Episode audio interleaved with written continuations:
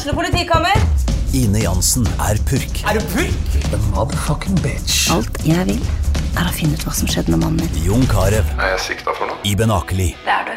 Ole So, Lars Berrum og Big Daddy Karsten. Hvem sin side er du på, egentlig? Anette Hoff, Tone Danielsen, Kommer du fra Afrika? Jørnis Josef, Nesten. Kløfta. Trond Espen Seim, Det er synd å si det, men det var feil mann som døde. Purk. Premiere tirsdag på TV2 Play.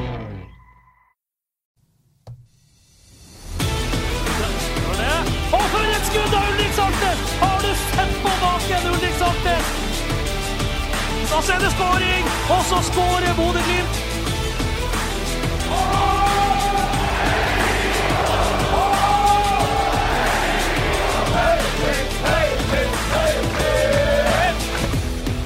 Trekning i Europa, Glimts jakt på nye spillere og litt om hva landslaget holder på med om dagen.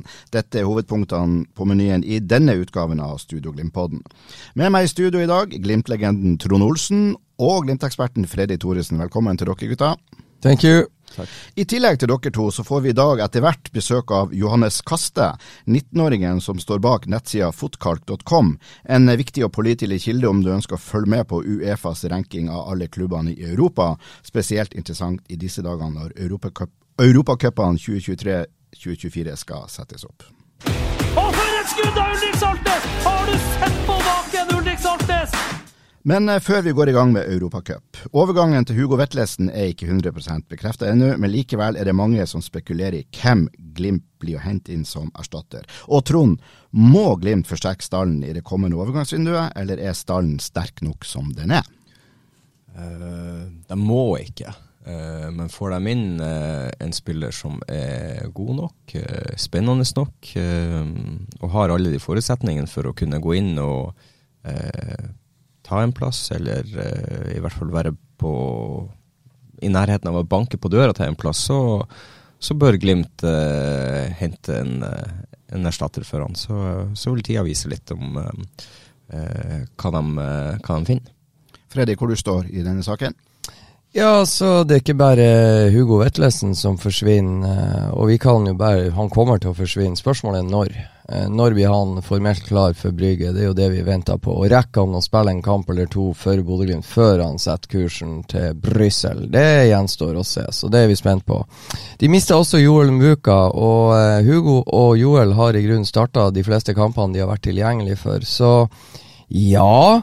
De har eh, Sondre Brunstad Fet på vei tilbake etter skade. Ja, de har Ulrik Saltnes nærma seg.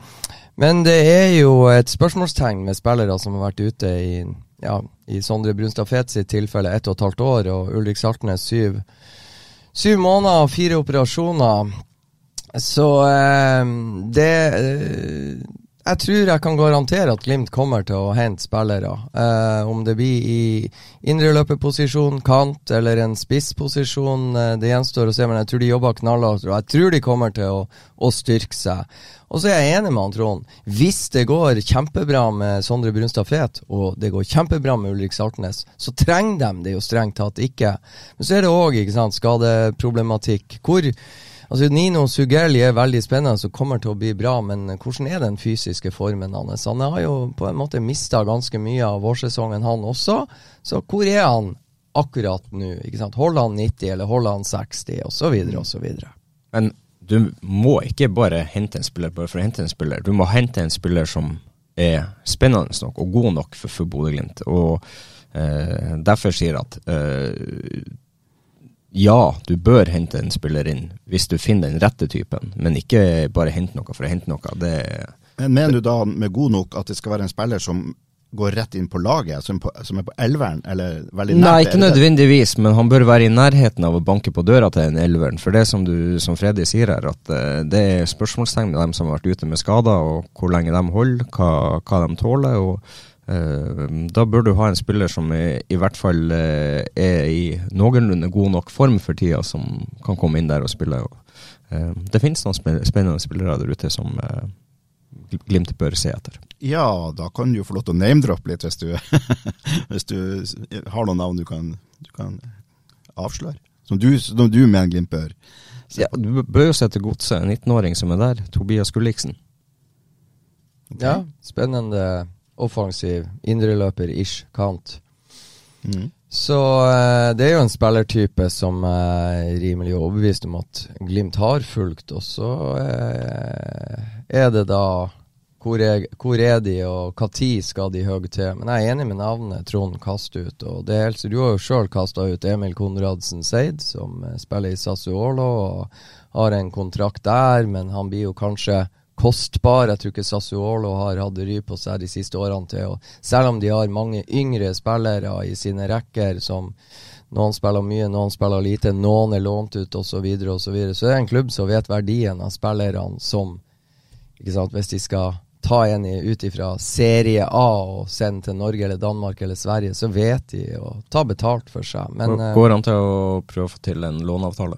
Ja, det går også an. Og, eh, nei, så jeg, jeg, føler meg rimelig sikker på at Glimt kommer til å Jeg tror de har mange spennende caser, men så er det hvor mye har de rukket å jobbe med hver enkelt case fra forrige overgangsvindu ble stengt, og frem til det kommende nå åpner.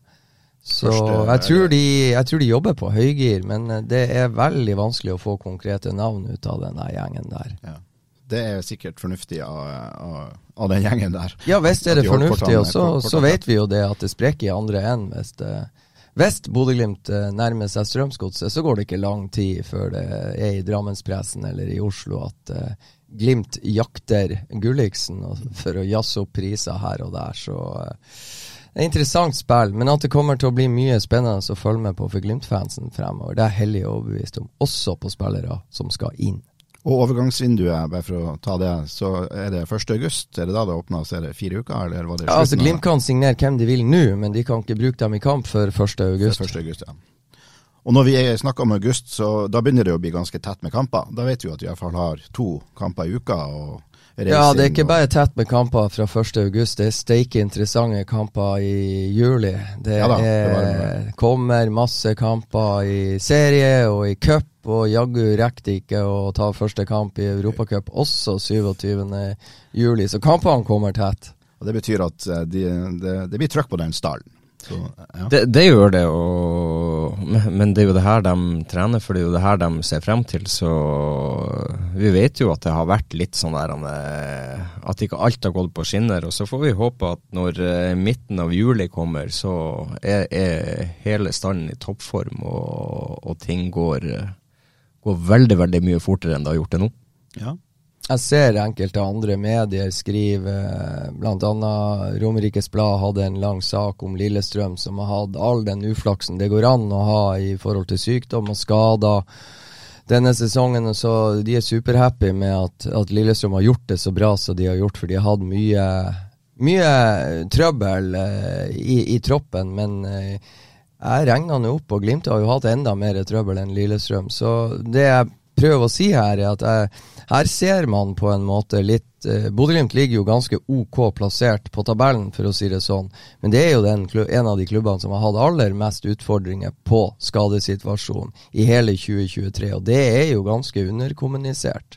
Jeg minner om at eh, to av de beste i generalprøven mot uh, Molde rett før seriestart, Brede Mo og Brisveen Bangomo, ingen av de var tilgjengelige. De for, i begynnelsen av sesongen, fordi at de var ute med skade. Og Den ene er landslagsspiller, og backupen var heller ikke tilgjengelig i begynnelsen av sesongen. Så det er nå bare tre navn mm. der. Og Nino Sugelj er enda ikke kommet i gang med sesongen. Vi fikk se smakebiter på han i cupen mot Viking på Aspmyra. Det begynner å bli en stund siden.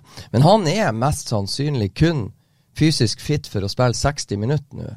Mm. Ikke sant? Og vi er vi har holdt, det er elleve seriekamper som er spilt. Vi er nå snart midtsommer. Sola snur snart. Runar Espejord har, hatt, uh, har vært tilgjengelig i to kamper i serien. Er nyoperert. Og Lasse Nordås, som er backup på uh, da når Runar er ute på spissplass Mann, Glimt har én spiss tilgjengelig nå. Det er Faris Pemi. Ellers så er det Isak Helstad Amundsen som er backup akkurat nå. Var på trening i går, og der var ikke Lasse Nordås. Mm. Så, så, Glimt har hatt mye utfordringer, de har det, men de har løst dem ganske ok. Ja, og så, og så er det jo egentlig ganske artig når å sitte og høre på alle de navnene du nevner. Du hører jo den troppen Glimt har, mm. i forhold til la oss si Lillestrøm. Altså, ja. det, det, Glimt har i bakhånda kontra det Lillestrøm har, så skjønner jeg at Lillestrøm klager. når, når, du ser hva Glimt har. Så det, ja, er det ikke? Det, det, er, det er jo spinnvilt. Ja, det er ganske spinnvilt. Men der får du på en måte Det var jo mange som har reagert, og, og Glimt har råd til det. Og de har den troppen. Og de har håndtert alle utfordringene som er blitt kasta på dem, fordi at det er gode spillere som kommer inn. Og det er, det er litt sånn spooky å faktisk Ja, men, men, det, men, men du kan jo liksom bare gå noen år tilbake. Så når Glimt eh, i 2020 eh, gikk gjennom eh, sesongen med, som et lokomotiv, så var de jo heldige. De slapp jo unna alle skadene og, og alt. Eh, og der er jo egentlig Lillestrøm på mange måter i, i samme båt i dag som, Lille, som Glimt var da. Bare at de har mye mer slitasje på troppen allerede nå. Så derfor kommer ikke de til å, å klare å stå det løpet ut, uh, ut sesongen, pga. at de allerede sliter såpass mye med skader og ja. Uh, ja, så, så, så, vet man jo at alle de som har vært skada, trenger tid for å, å, komme seg inn i kampform. Ikke sant? Sondre Brunstad Fet han, han, kom inn hjemme mot Viking, skulle spille ti minutter, det ble ti minutter tillegg, så det ble 20 minutter på han. Og så fikk han et innhopp eh, på Intility da Bodø-Glimt vant 3-1. Og den belastninga på de to innhoppene for Sondre Brunstad Fet i forhold til hva han hadde vært igjennom med ett og et halvt år uten fotball, ikke sant, så måtte de spare han mot Ranheim i cupen fordi at han må bli vant til de her brutale fotballbevegelsene. Men de måtte faktisk også spare han hjemme mot HamKam. Mm.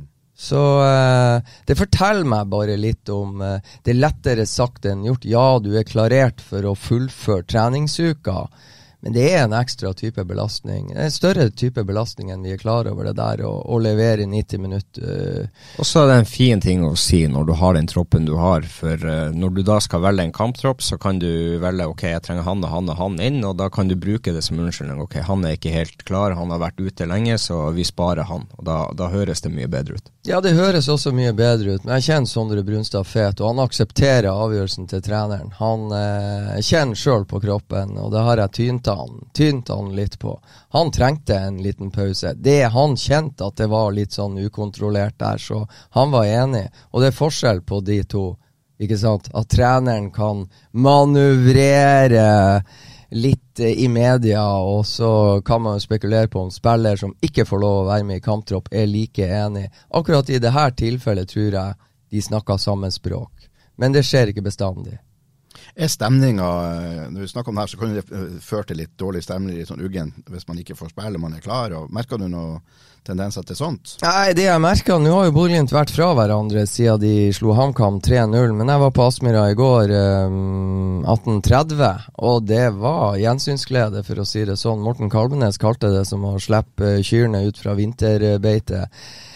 Du merka bare med å sitte på tribunen i de omgivelsene der at det, er, det var enorm gjensynsglede. Det var mye latter, det var, det var, mye fleiping, det var mange smil å se. Kanskje fordi at det er første gang i verdenshistorien for veldig mange at de trente på et Aspmyra som ikke var bikkjekaldt.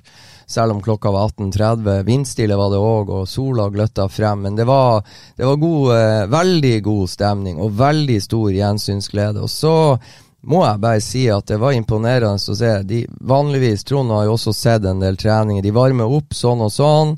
Litt forskjellige pasningsøvelser, så går de over og skal spille possession. Ti mot ti ish. Eh, på veldig begrensa område, og det er jo her veldig mange blir konfirmert, ikke sant? De, det er om å gjøre å holde ballen i, i lag og være orientert i forhold til hva som skal skje. Det var en eh, ny spiller der i går, Petter Nåsa Dahl. Jeg tror fortsatt han lurer på hva i alle dager det var som skjedde underveis. Eh, det var sånn åtte-ti minutter, kanskje tolv minutter med possession. Enorm eh, Enorm intensitet og engasjement i den sekvensen der, og eh, og vanligvis, da, så når de går fra possession, så går de og skal begynne å spille fotball. Det gjorde de jo ikke i går, for de trente bare 40 minutter sånn innkjøring. Mm. Så jeg tror Nåsa Dahl var ganske sliten etter første possession-økt med, med Bodø-Glimt. Han ble mindre og mindre bevegelig underveis, registrerte jeg. Men uh, likevel, det er god stemning og det er bra stall, og vi tror likevel da at, at Glimt kommer til å, å forsterke en allerede sterk eh, tropp. Jeg tror Studio Glimt-podden kan garantere at Glimt kommer til å forsterke. Spørsmålet er bare med hvem. Og der må vi jo bare gå inn i, i ryktespredninga med en eneste gang. Nå skal jo ikke vi være, være best på rykter, men eh, det, det dukka jo opp en nyhet i går om at uh, den gamle Glimt-helten fra uh, mange år tilbake, da, men likevel, Stefan Johansen er nå da løs, løst fra sin kontrakt med Queens Park Rangers. Og så var det noen som mente at de hadde sett han i Bodø, hvilket jo ikke er så rart. Han har jo tilhold her, da. Men uh, Skal vi bare springe opp noen etasjer og sjekke med han med en gang? vi kan jo gjøre det. Men hva, hva, hva tenker vi om, noe, om et rykte som det? Ja, hvorfor ikke? Altså, det er jo Du får i hvert fall enorm rutine inn der, og uh, uh, Ja, hvis han føler seg klar for å komme hjem og har lyst til å bidra på en måte, så så, så tenker jeg at en kontrakt ut året er ikke, er ikke noen dum løsning hvis det, hvis det er noe begge parter har et sterkt ønske om.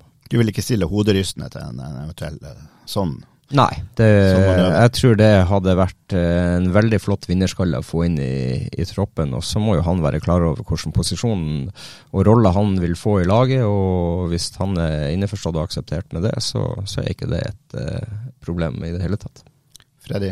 Jeg er jo enig med det han Trond sier, men så tror jeg det er bare et problem. Jeg tror at grunnen til at det snakkes om Stefan Johansen, er det at mora til Stefan bor i Bodø. Svigerfamilien til Stefan bor i Bodø.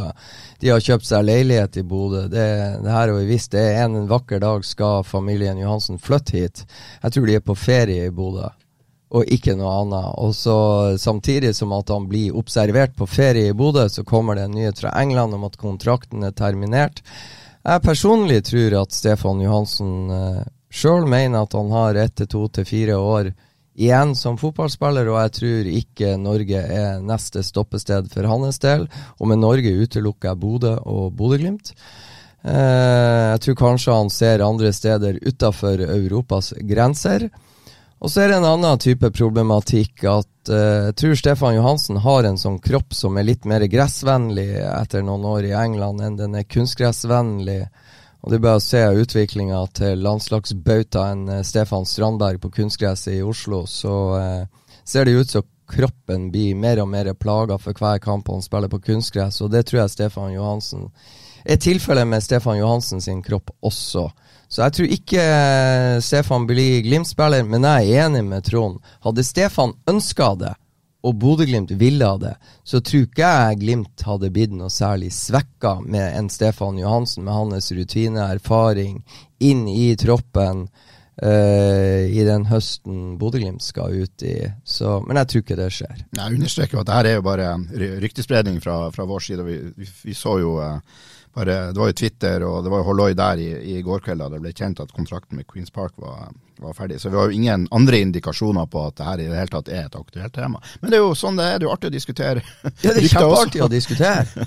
Det men, det, men, det, er jo helt naturlig. Han er jo på mange måter en Bodø-gutt. Han kom jo hit som 14-åring og uh, har vært, uh, vært, her og fått, uh, fått sin første smak på, på, voksenfotballen her, så det er jo helt naturlig at han er et navn som blir nevnt inn når, når kontrakten hans er terminert i England og han er hjemme på ferie og ja, nyter sola i Bodø. Nettopp, det må jo være bra fristende å flytte Bodø når det er sånne forhold som det er akkurat nå. Man må i hvert fall si at jeg kan ikke ta Stefan Johansen på timing og den slags, for det var jo magisk timing å komme til Bodø på, på, en liten ferietur akkurat når vi får årets første godværsdager. Det, det er sterkt. Og for et skudd av Ulrik Saltnes! Har du sett Litt om eh, landslaget. Vi er jo midt i en landslagspause nå. Eh, og tapet taper mot uh, Skottland på lørdag. Må vi snakke om det? her? Ja, vi, Jeg føler at vi, vi må det. Okay. men vi bør ikke bruke så lang tid. Det bør vi ikke. Ja, men jeg kjenner det begynner å bli en stund siden, og det, jeg kjenner at jeg begynner å fucke ja, meg opp. Men vi har, jo, vi, vi har jo en kamp i, i kveld også, men, men, poenget er bare hva, hva dere vil si om det. Om, bare helt sånn over på et overordna nivå. Trond, hva er Norges landslag, Skottland, EM? For, forbanna irriterende at du skal snuble på slutten der. Det,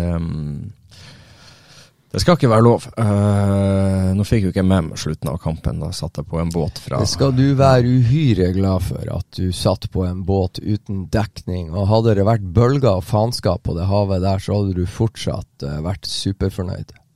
Men har du opplevd noe tilsvarende som spiller? At du leder greit uh, fire minutter før slutt, eller ikke greit, men leder med et mål, og så for seg at det her kom til å gå, og så bare rakna det?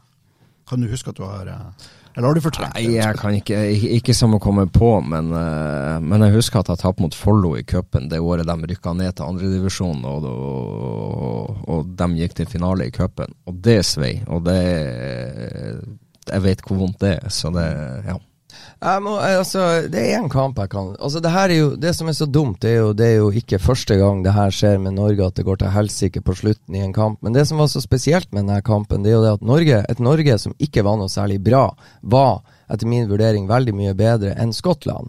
For Skottland var jo Altså, de var ikke mye truen. Altså, for å si det sånn, Norge har da Erling Braut Haaland på topp, og Skottland står med Stefan Johansens lagkompis eh, Lyndon Dykes på topp fra championship i England. Og det stinka ikke akkurat fare av Lyndon Dykes, men han skåra da vitterlig ett mål. Og Erling Braut Haaland måtte Altså, Lyndon Dykes skåra et spillemål, merkelig nok, og Erling Braut Haaland eh, Topp, han som leder Golden Booth i Europa og kommer til å vinne den, han sk skåra på straffe. Så jeg, jeg, jeg, kan, jeg, må spørre han Trond, for han har vært med å vinne en kamp for Bodø-Glimt mot Vålerenga i Oslo.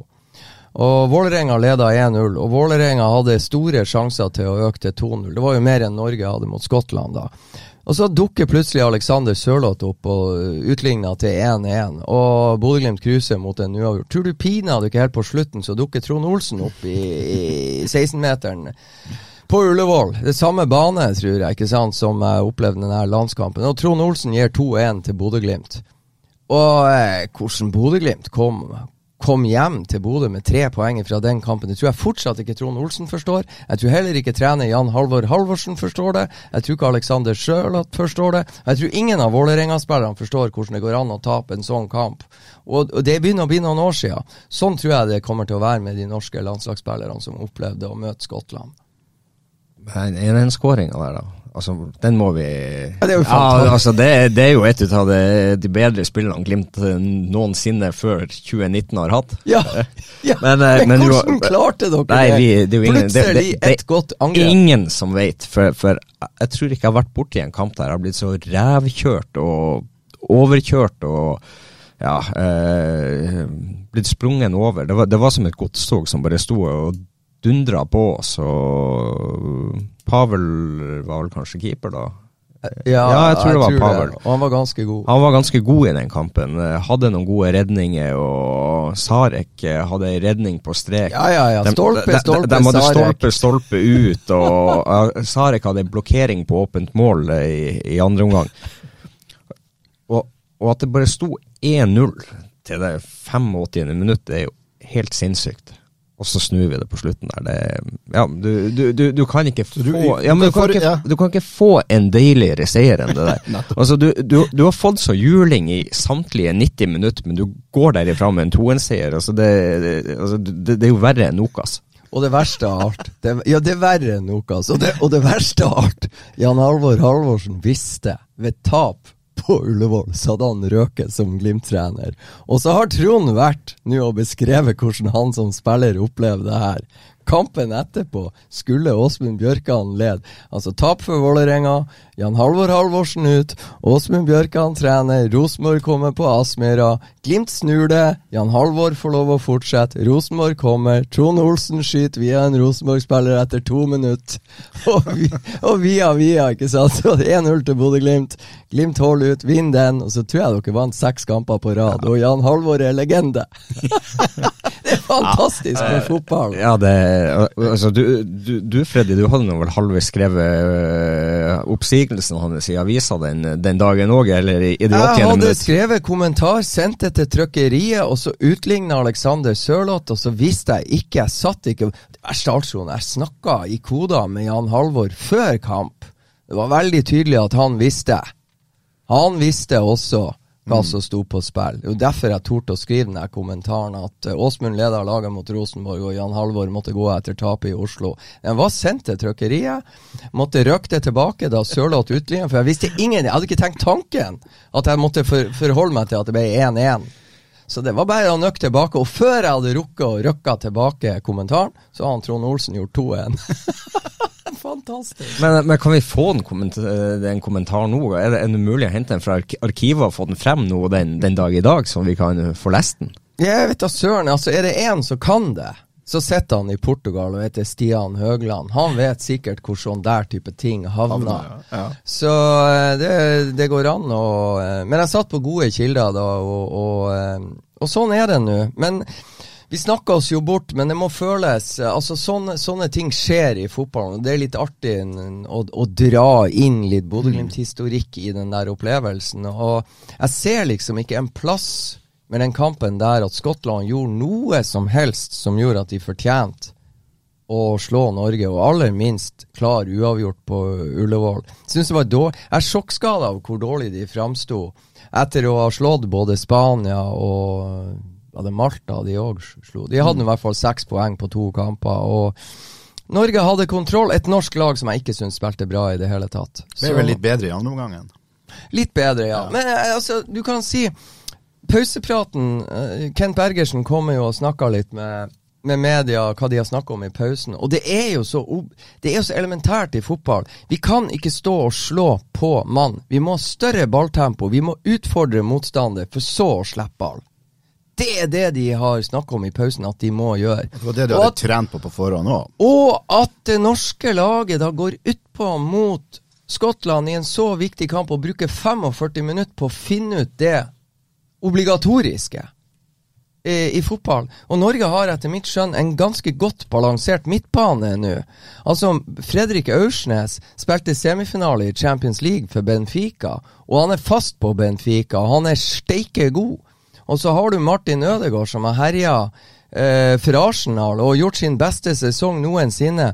Og så syns jeg det er smart at Patrick Berg nå, sånn som mm, de spillerne som Norge har tilgjengelig, at han får lov å være den balansespilleren sentralt på midtbanen. Så de har en ballsikker, løpssterk, teknisk midtbane Problemet før pause var jo at midtbanen nesten ikke hadde ballen, fordi at en bakre firer og en keeper som ikke spiller fotball, ikke klarte å distribuere ballen til midtbanen til Norge.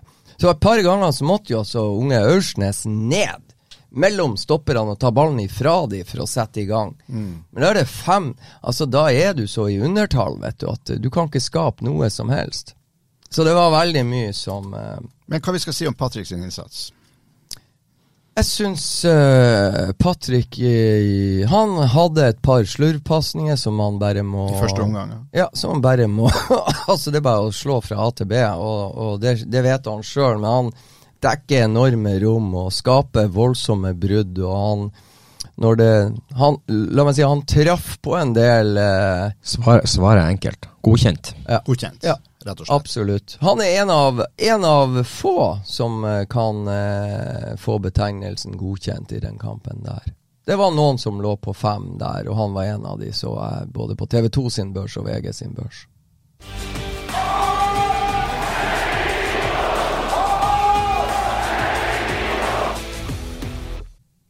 Før vi skal snakke om Europa, så må vi ha denne utgavens eh, værmelding. Hva har skjedd der? Ja, Vi må jo det, Børre. Når ja. været er blitt så steike bra i fylket vårt, så må vi jo ha siste værmelding. Ja, nå er det vel gått et par kamper siden sist. Ja, det er det. Jeg lå jo sjuk i forrige uke, så nei. Vi har, vi har uh, hatt to lørdagskamper og plukka enda seks nye poeng, så det er På øya så går det strålende om dagen. Ja, jeg skjønner, men jeg må jo spørre. Jeg så eh, det var 3-1 hjemme mot Saltdal-kameratene, og ingen Olsen på eh, skåringslista. Det må trenge seg forklaring, føler jeg. Måltørke. Måltørke nei, i sommervarmen. Ja, i som nei, jeg fikk meg en liten, eh, en liten trøkk i, i, leggen ute nede på Meløy i forrige helg i, i, i seieren der, 3-0. Um, så det um, Ja, Sto du over denne kampen? Måtte jeg nok uh, benke meg sjøl, sette meg på, på tribunen og stå der i finskjorta og og lede laget, lose laget inn til en ny seier. Der lærte vi noe nytt, Bør. Jeg trodde ja. Trond Olsen aldri ble skada. Men uh, finskjorte syns jeg også hørtes veldig bra ut. Veldig sånn manageraktig. Uh, ja. Jeg har jo lært av de beste. Man må, må jo se bra ut når man, når man står på sidelinja der. Hvem er neste motstander, da? Det er mot Storm.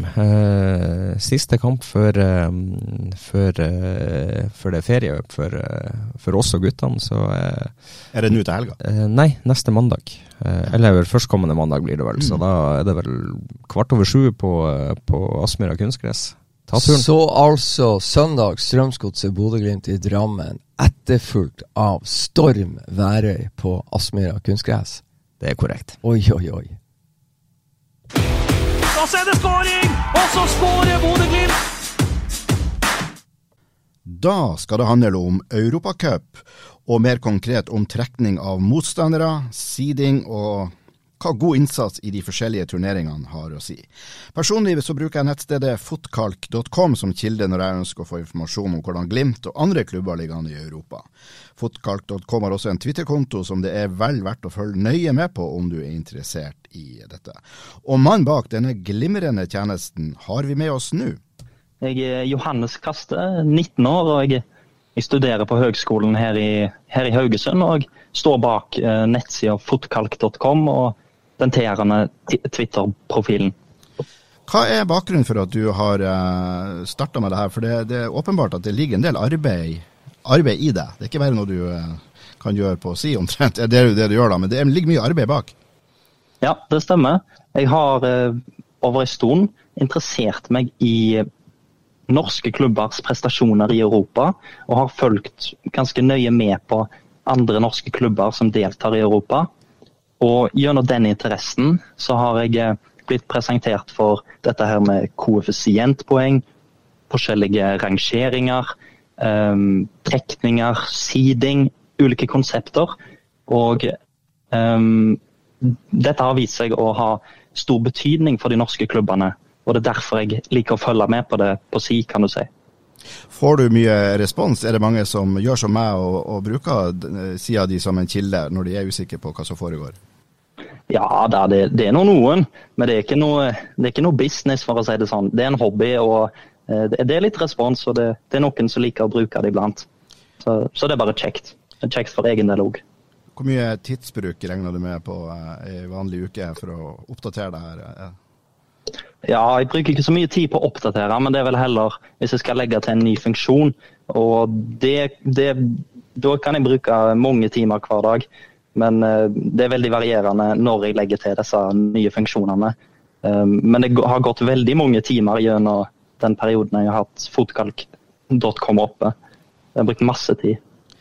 Jeg er veldig glad for det, for det er som sagt en, en viktig kilde for meg og mange med meg. Men oss, eh, det er jo, det er jo europacuptrekninger som skal foregå nå de, de, nærmeste dagene. begynner jo i dag, og så skal det trekkes mer på onsdag. Og, ja, og nå er vi jo den, på den tida av året hvor det virkelig, hvor det blir veldig mye fokus på akkurat dette her. Og eh, er det mulig for deg, eh, så enkelt som mulig, å forklare hvordan disse ratingtallene blir som de blir? Altså Hvorfor har Glimt det tallet Glimt har? Dette her du refererer til, dette kalles for koeffisientpoeng. Og dette her er noe som Glimt og mange andre klubber delt, som deltar i Europa, tjener opp gjennom og hver seier de, de klarer å spille, spille fram, og hver uavgjorte kamp f.eks. de klarer å spille fram i Europa. Så jo bedre du gjør det i Europa, jo flere såkalte koeffisientpoeng får du. Og det, det, er de siste fem sesongene i Europa som er bakgrunnen for disse koeffisientpoengene. Når Glimt har 20, eh, da, 000, som det står her, da. Er det et, vil du si at det er et, et sterkt tall, eller eh, hva, hvordan Ja, det, det, er det nest beste i Norge, kan du si. Um, og jeg kan jo sjekke nå hvilken plass det uh, tilsvarer. Det er nummer 81 i Europa. Så Bodø-Glimt er rangert som den 81. beste klubben i Europa. Og best i Norge akkurat nå, det er Det er Molde. Elleve plasser over dere. Med hvor mange koeffisientpoeng? 24. 24.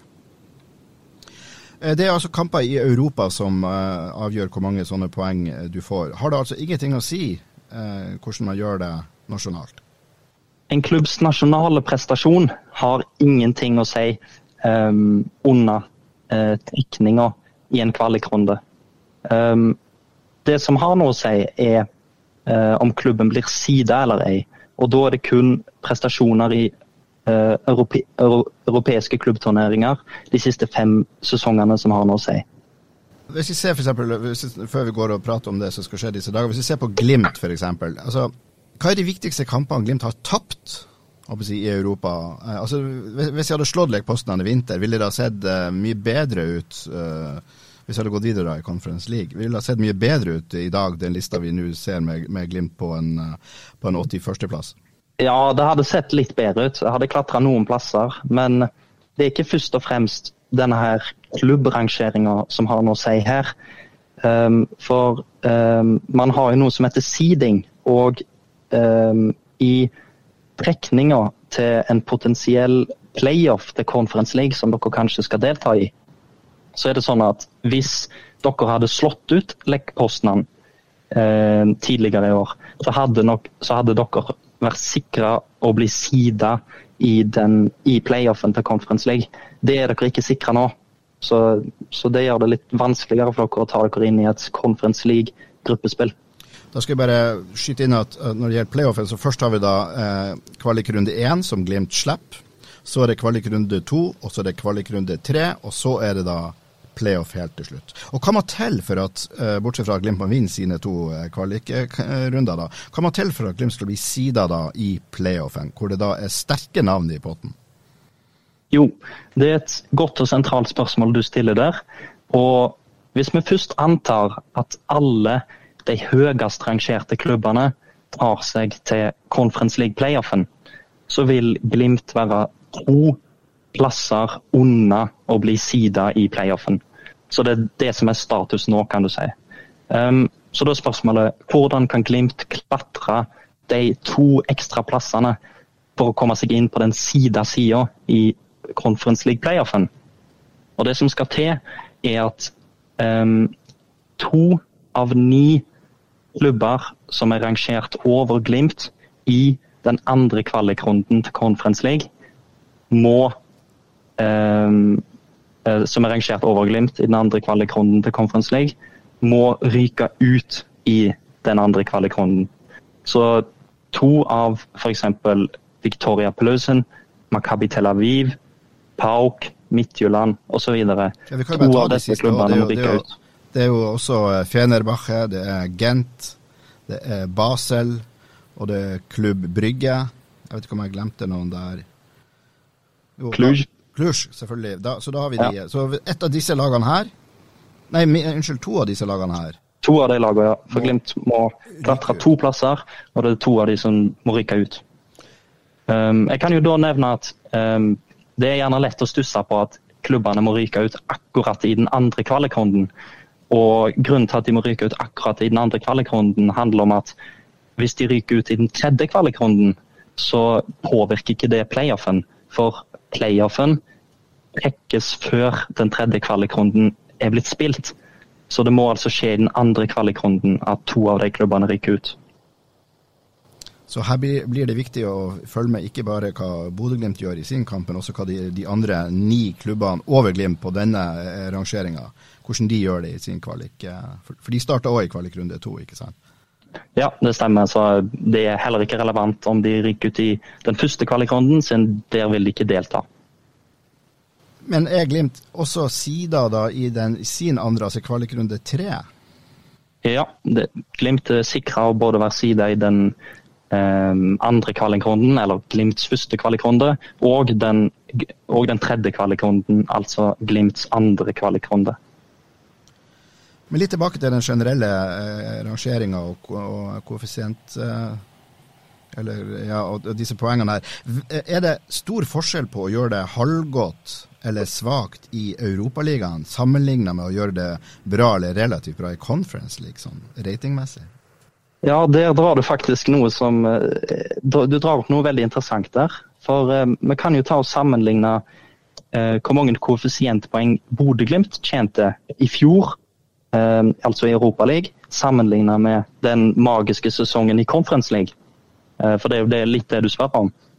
Og i fjor så kom jo Bodø-Glimt inn i Europaliga-gruppespillet, men gjorde det ikke veldig bra der. Og da fikk Glimt i koeffisientpoeng. Men hvis vi sammenligner det med Conference League-sesongen til Glimt, den eh, hvor de slo Roma osv., da tjente Glimt fem ganger så mye, 15 koeffisientpoeng. Så det er helt klart at det, det, er en enorm forskjell å prestere i Conference League kontra å ja, kun delta i Europaligaen. Men så har de jo litt mer premiepenger i Europaligaen som kompenserer litt. Så det betyr at uh, det er ikke noe vits i å, å, se lett på Conference League. Det, det, kan være veldig viktig å, å, å gjøre det bra der også. Ja, absolutt. Det er gullgruva hva gjelder koeffisientpoeng og klatre på forskjellige rangeringer. Mm. Både egen klubbsrangering og, og bidra til at Norge som land klatrer.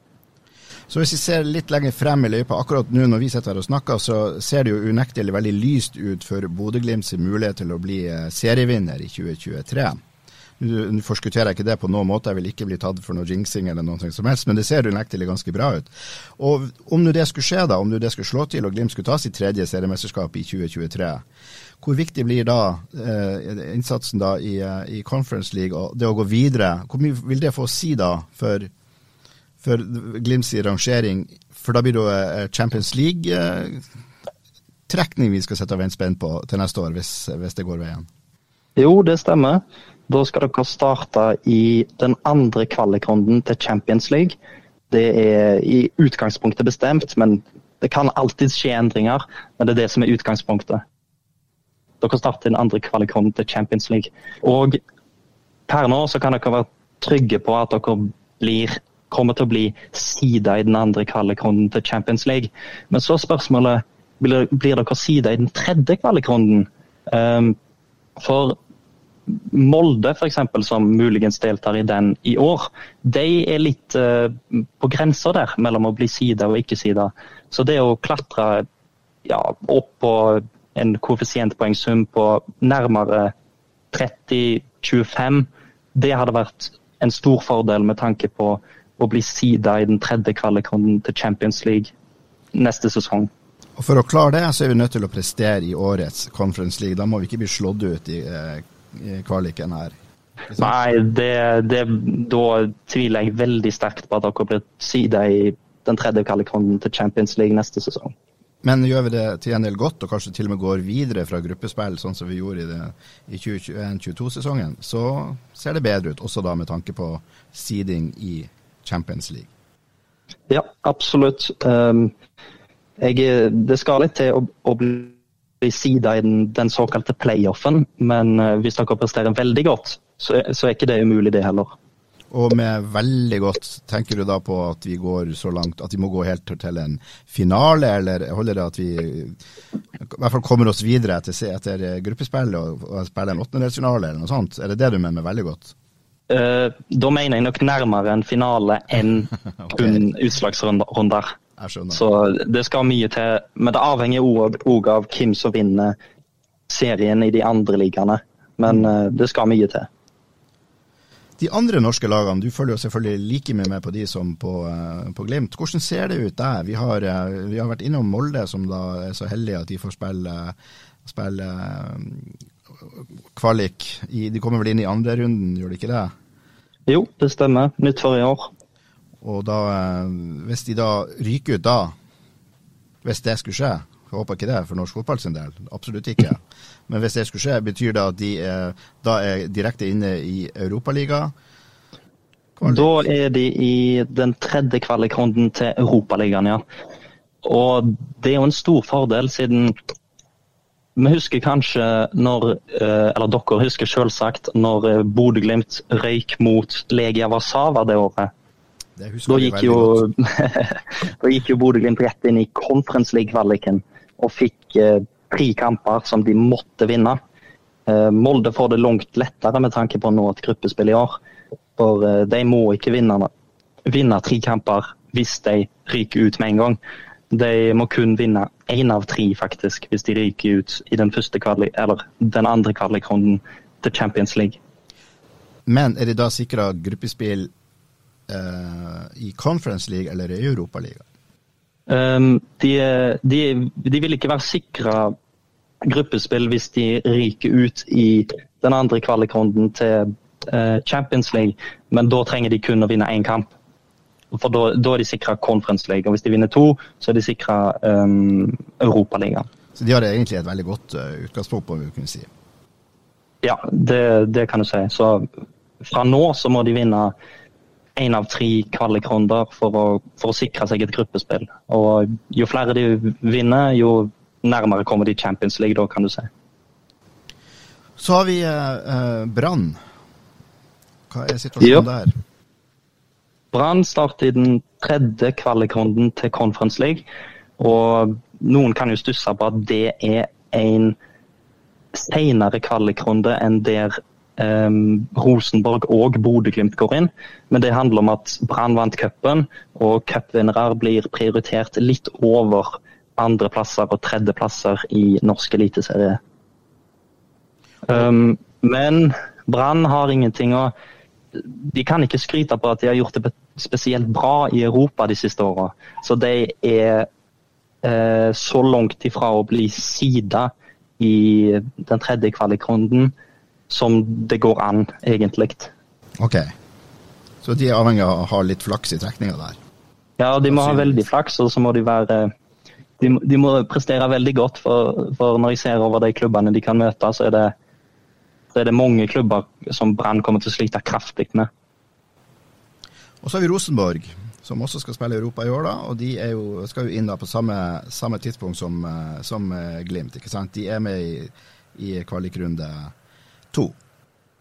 Ja, stemmer. De har samme utgangspunkt som Bodø-Glimt i den andre kvalikrunden, hvor de blir sida. Um, og òg faktisk så vidt uh, de samme forutsetningene som Bodø-Glimt har i den tredje kvalikrunden i tillegg. Uh, det var så vidt de klarte å karre seg inn til å bli sida i den tredje kvalikrunden. Men Rosenborg blir definitivt ikke sida i playoffen. Så i playoffen, hvis Rosenborg i det hele tatt klarer å ta seg der, så blir det knalltøft for dem. Senere i dag så skal det altså trekkes eh, jeg vet ikke hvor mange lag vi snakker om. Det er, vel, er det, er det 44, 22 kamper som skal trekkes i kvalikrunde 1 i eh, Conference League? Ja, der er I kvalikrunde 1 så er det um, uh, 58 deltakende klubber. Å oh ja, 58 deltakende klubber. Ja. Ja. Det er ikke mer, faktisk. Og de, um, de trekkes da, da trekkes av kamper i, uh, i, dag som skal spilles uh, da om starter vel om en ukes tid. Neste torsdag er det. Og så er det da på onsdag, altså i morgen, så skal det da trekkes hvem er det uh, Glimt og Rosenborg skal møte. Altså hvilken vinner av hvilken kamp skal Bodø-Glimt og Rosenborg møte. Er ikke det sånn å forstå? Jo, um, i den andre kvalikrunden til Conference League så vil enten Bodø-Glimt eh, eller da Rosenborg møte vinneren av et oppgjør fra den første kvalikrunden. Men de kan òg møte en klubb som starter i den andre kvalikrunden. Så det betyr at den, ah, okay. den trekninga av den andre kvalikrunden um, Etter den trekninga er det ikke sikkert at Bodø-Glimt og Rosenborg vet hvem de møter. Um, så det kan være de må vente til den første kvalikrunden er blitt spilt. Men vi vet uh, hvem, av, hvem, av, hvilke to lag vi møter? Ja, det stemmer. Eller vi kan trekke et lag som ikke, ikke skal spille Q1, men komme inn i Q2. Ja, det er jo litt greiere, for da vet, du, da vet, du, hvor du skal reise hvis du skal på tur. Men da går det altså sånn da at vi onsdagen ser litt mer klart, og så skal disse, disse to rundene som vi nå snakker om, spilles. Altså Q1 og Q2, og først etter Q2 blir det trekning av Q3.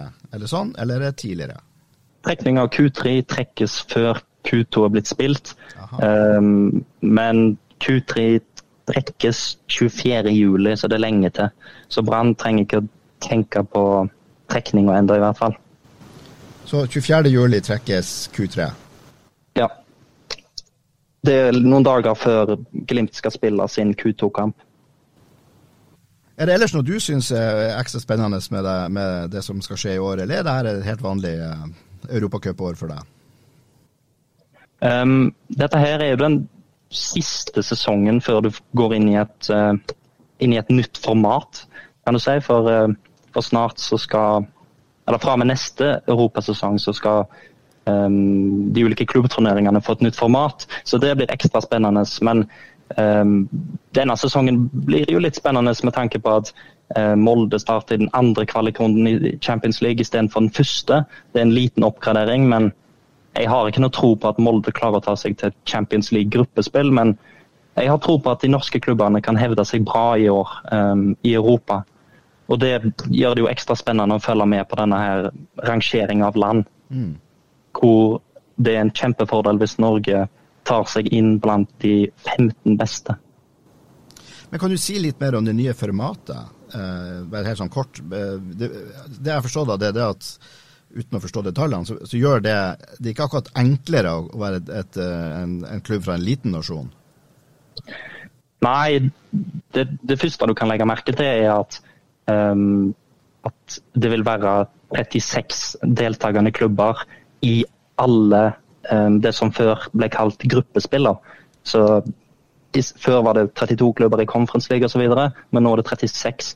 Så det gjør jo at Um, det er litt flere, flere, klubber som skal inn og ta opp disse plassene, men det er få av de plassene som går til um, ja, land av Norges størrelse, kan du si.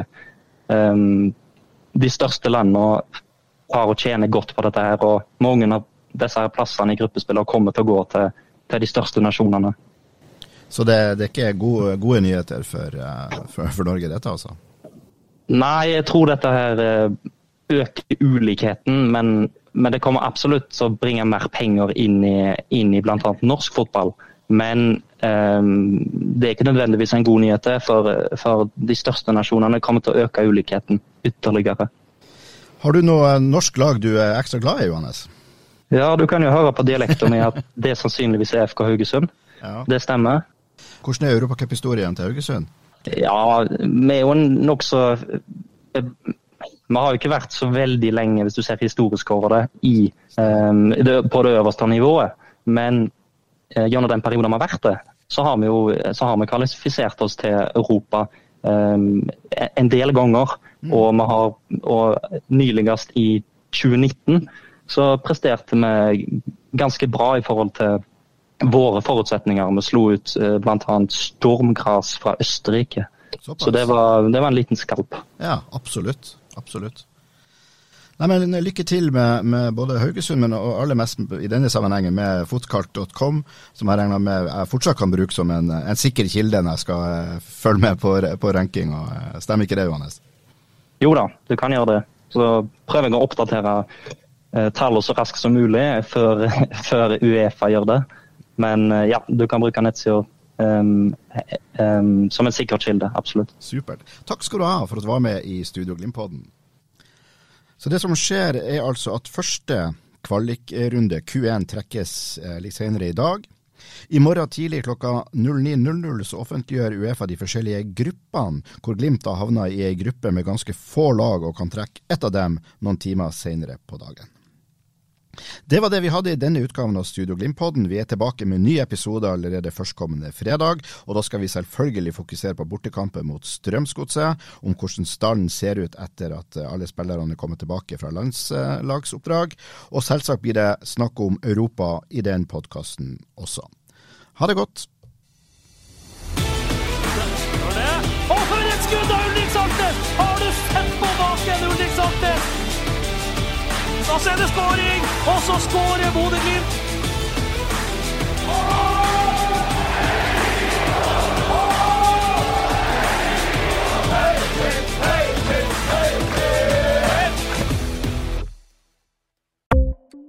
Ukens annonsør er HelloFresh. HelloFresh er verdens ledende matkasseleverandør og kan være redningen i en travel hverdag. Mange av oss har nok vandret i butikken både sultne og uten en plan for middagen, som ender med at vi går for de samme kjedelige rettene gang på gang. Middag burde være dagens høydepunkt. Som Hello Fresh kan du nå velge mellom 25 ulike retter hver eneste uke, eller få Hello Fresh til å sette sammen menyen for deg. Dette gir deg muligheten til å prøve nye og spennende retter alene eller sammen med familien. Du velger antall porsjoner og får alt levert på døren på et tidspunkt som passer for deg. Oppskriftene er enkle, og maten er lett å lage både for store og for små. Ved å få alt levert hjem får du også mer tid til å dele matgleden med familie og venner. Kanskje det frister med asiatiske tacos eller greskinspirert kylling? Da kan jeg anbefale deg om å gå inn på hellofresh.no. Her kan du bruke koden FOTBALL og få opptil 1779 kroner i rabatt på de første fem matkastene hvis du ikke har prøvd HelloFresh tidligere.